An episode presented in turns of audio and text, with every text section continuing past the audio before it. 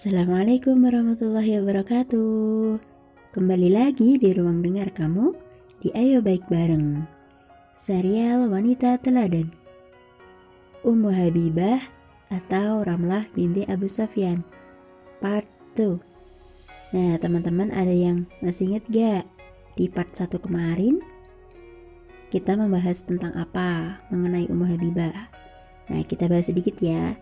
Jadi di part 1 kemarin itu tentang keislaman Ummu Habibah dan suaminya.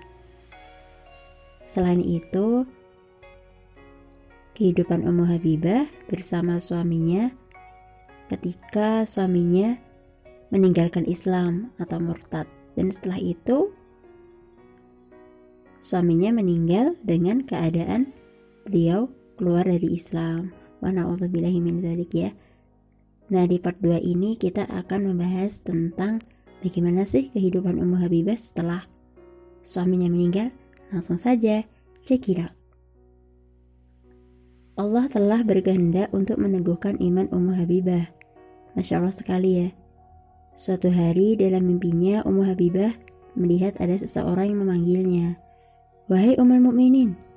Wah beliau merasa gembira sekali dengan mimpinya itu. Sampai-sampai Ummu Habibah menakwilkan mimpinya bahwa Rasulullah kelak akan menikahinya. Wah, benar apa enggak ya mimpi Ummu Habibah ini? Tidak lama setelah masa idahnya berakhir, salah satu pembantu wanita Raja Najasyi datang untuk memberitahukan kepada beliau bahwa Rasulullah akan segera menikahinya. Masya Allah. Setengah tidak percaya dengan kabar gembira itu, Beliau pun berteriak kepada pembantu utusan tadi. Semoga Allah memberimu kabar gembira. Gak hanya itu aja, saking gembiranya, Ummu Habibah melepaskan semua perhiasan yang dipakai dan memberikannya kepada pembantu utusan Raja Najasyi tadi. Wah, Masya Allah. Bro and sis, selanjutnya beliau menunjuk Khalid bin Said bin Al-As sebagai wali nikah sesuai permintaan Rasulullah. Sementara Raja Najasyi oleh Rasul diminta menjadi wakil beliau. Pada hari yang telah ditentukan, Raja Najasyi mengumpulkan seluruh kaum muslim yang ada di Abasyi. Semua kaum muslim pun datang di bawah pimpinan Ja'far bin Abu Thalib, saudara sepupu Nabi Wasallam. Selanjutnya Raja Najasyi menyampaikan pidatonya. Alhamdulillahil malikil qudus Assalam al-muhaimin al-aziz al-jabbar al-mutakabbir Asyhadu an la ilaha illallah wa asyhadu anna Muhammadar Rasulullah alladzi basi basyara bihi Isa bin Maryam sallallahu alaihi wasallam amma Sesungguhnya Rasulullah telah menulis surat kepadaku agar aku berkenan menyelenggarakan pernikahan beliau dengan Ummu Habibah. Maka aku penuhi permintaan beliau dan aku serahkan mahar 400 dinar.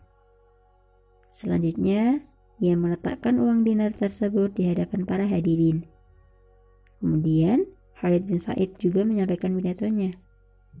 Alhamdulillah, ahmaduhu wa nasta'inuh, wa asyhadu an la ilaha illallah, wa anna muhammadan abduhu wa rasuluh, arsalahu min huda wa dinil haqq, idhirahu ala dini kulli, walau karihal musyrikun. Amma ba'd.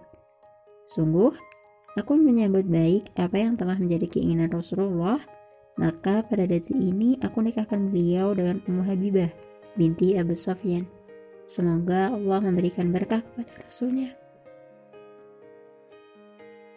Selanjutnya, Raja Najasyi dan Khalid bin Said melakukan serah terima mahar berupa uang 400 dinar Raja Najasyi lalu mengadakan walimah pernikahan selain berkata kepada para hadirin, silahkan kalian duduk terlebih dahulu karena termasuk sunnah para nabi adalah diadakannya makan-makan saat mereka melangsungkan pernikahan.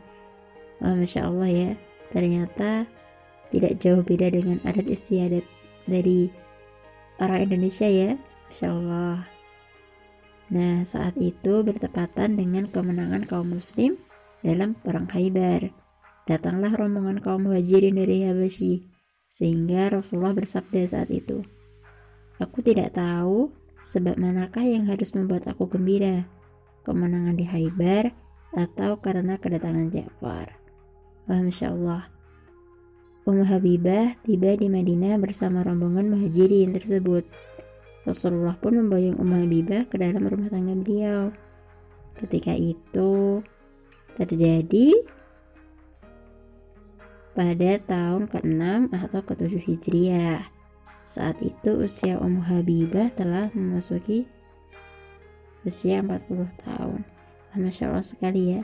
Semoga teman-teman bisa mengambil pelajaran dari Ummu Habibah setelah kemurtatan suaminya, kemudian Allah nikahkan beliau dengan Rasulullah. Setelah datang kesedihan, kesenangan itu pun datang. Wah, Sekian, tetap di ruang dengar kamu. Di Ayo Baik Bareng.